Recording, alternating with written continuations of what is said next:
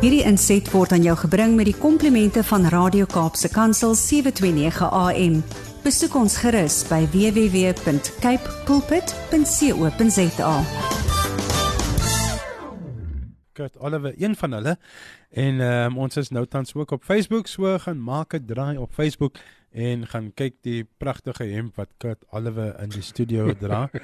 en 'n pragtige boodskap wat hy ook gaan bring vir ons vandag, Kurt. My brother, good morning. Lekker lag hierdie man. Good morning to Dimitri, good morning to all listeners. It's facts. It's facts that you you got a very nice shirt on. Yeah, I got uh, importation from uh, Oom Stan with regards to the shirt. Yeah, it's just it's just it's just yours now. You just need to lay more hands on you, Dimitri. Is it? Yeah. Is this unacceptable? No, no, no, no. Your shirt needs to have buttons. It needs to have Oh, buttons. okay. So this is a t-shirt. a V-neck t-shirt. My brother, dit gaan die mekaar daar buite jou. How do you Ja. hoe hou ons kop? Ons moet kop hou.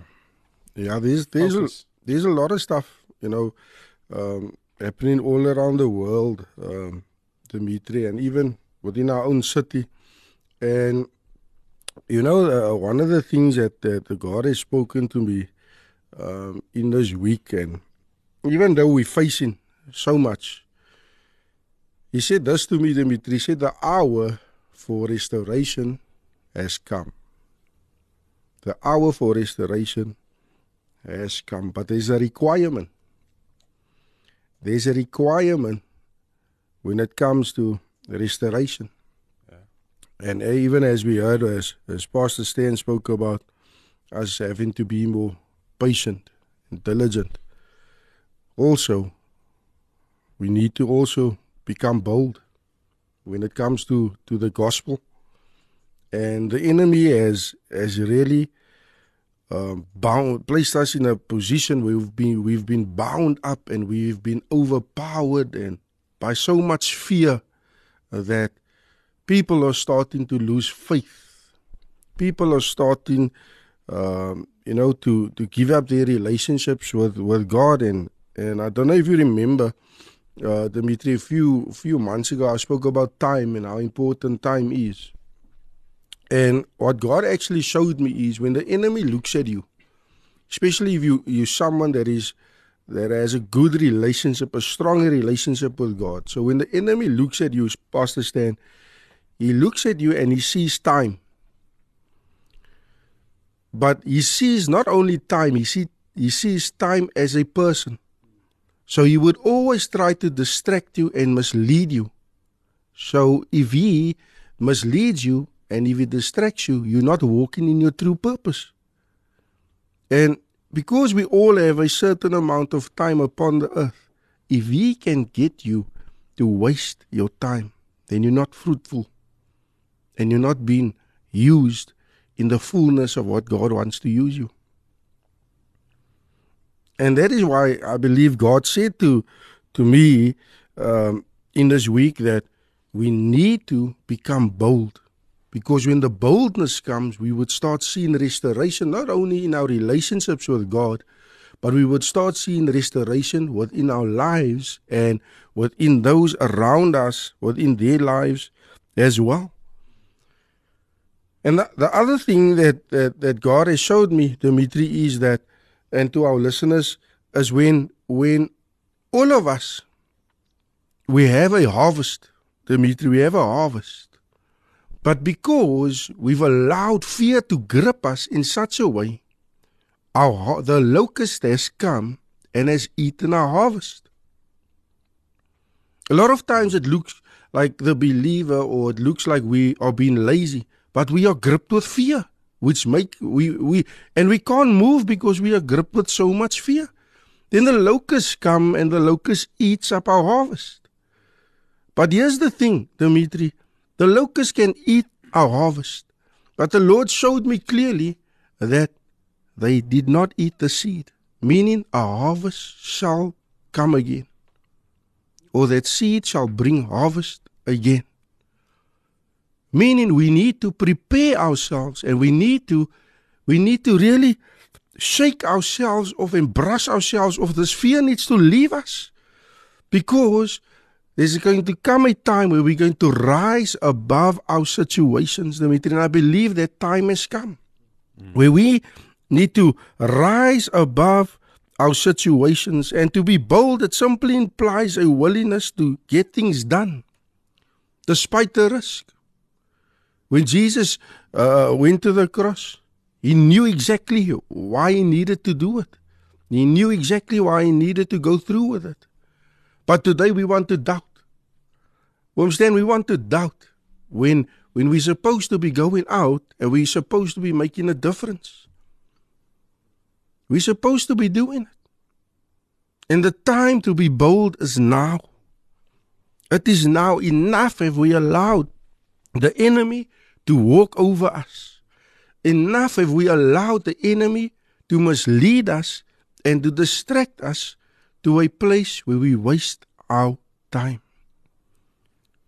The time has come, Dimitri, even yesterday, and, and I feel so so uh, so good, Dimitri, knowing that I can send my sons out to go and do the feeding.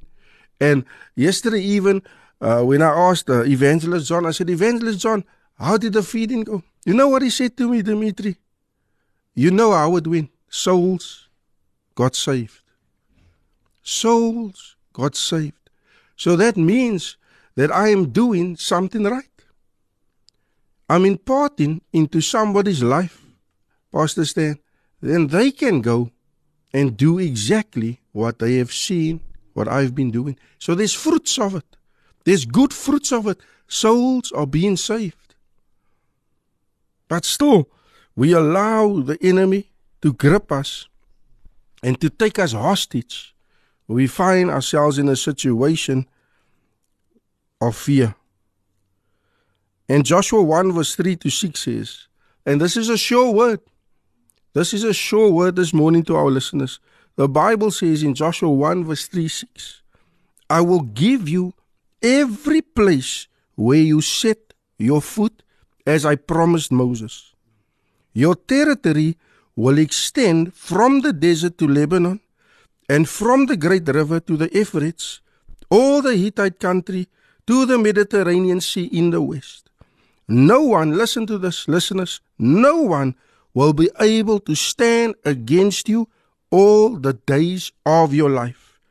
As I was with Moses, so I will be with you.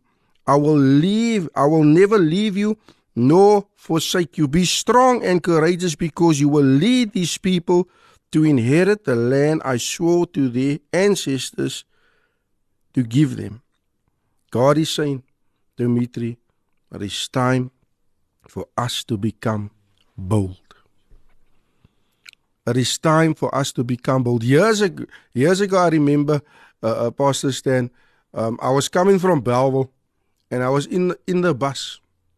And you know when when when everyone comes out of work, they always sit in, uh, they lay sitting and sleeping, and and immediately the Holy Spirit says to me, I need to tell everyone that they must not worry. God will come through for them.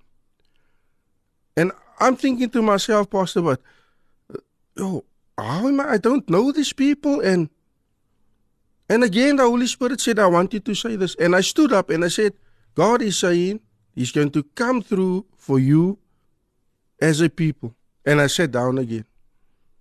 The following week, same bus. Same people because uh, you know the the peak hour you will always get the same people yeah. in the bus. Yeah. And the following week people started speaking to me. They said, "Your brother, you would never believe how I needed to hear that." They would never believe how you encouraged me to be bold. And I was like, I was just being obedient. But that little words and that act of boldness activated so much people in mm. that bus. Mm. It activated the boldness within them to keep on doing the work that God has called them to do. Yes. Something so simple. And I believe, uh, Dimitri, that now this, in this time that we are facing, we're going to see that harvest of souls coming. We're going to see it. But it's going to cost us to be bold. And that is what the Lord has said or laid upon my heart this week, Dimitri. My brother, thank you so much. I really appreciate it. Kort en kragtig is an understatement. This one was really, really hit the heart. And you know what comes to mind? And I always bring this um, example to to try and quantify Yeah. uh, God's greatness, to try and quantify uh, what eternity is. I don't think we will ever have that concept until the Lord comes. Yeah. Um, we will never understand it. But I try and quantify it in this, where God said, Let there be light. And with that sentence, that single spoken sentence, Yeah. we live in a universe. If you break it up, single sentence, verse, single sentence. That's Yeah. what we live in. And creation continues. And that is God's word, is that it has an effect that will continue, as His word says. It will not return to Him. Yeah. Void. Yeah. And in that way, you had to stand up and you just said, God will come through. Yeah. And those people in the bus, each one had a separate revelation to their individual concerns, to the individual struggles and challenges. Yeah. And that word, because it's a living word, it continued to create a victory in people's lives. Yeah. And it didn't return void to God. He was glorified by people acknowledging that the word was a word in due season. Yeah. So Powerful. thank you for your boldness there, my brother. Powerful. Thanks, Dimitri. Bless you. Until next week. Yeah, thanks. Thanks. Have a good week uh, weekend to all of our listeners. And I think it's rugby today, if I'm Ah, correct. Uh, okay. the Sharks losing again today? If, So. if you bring rugby up, I know you try and get Oom Stan because then I know the Sharks are playing. I didn't even know who's playing, but now I know the Sharks are playing. My brother, enjoy the rugby Thanks, and cheer Dimitri. for the Sharks, man. They I'll, need it. I'll pray for the Sharks. I'll pray for the Sharks. Karina Gous is volgende met ons en hier is Alana Wessels met Keeper.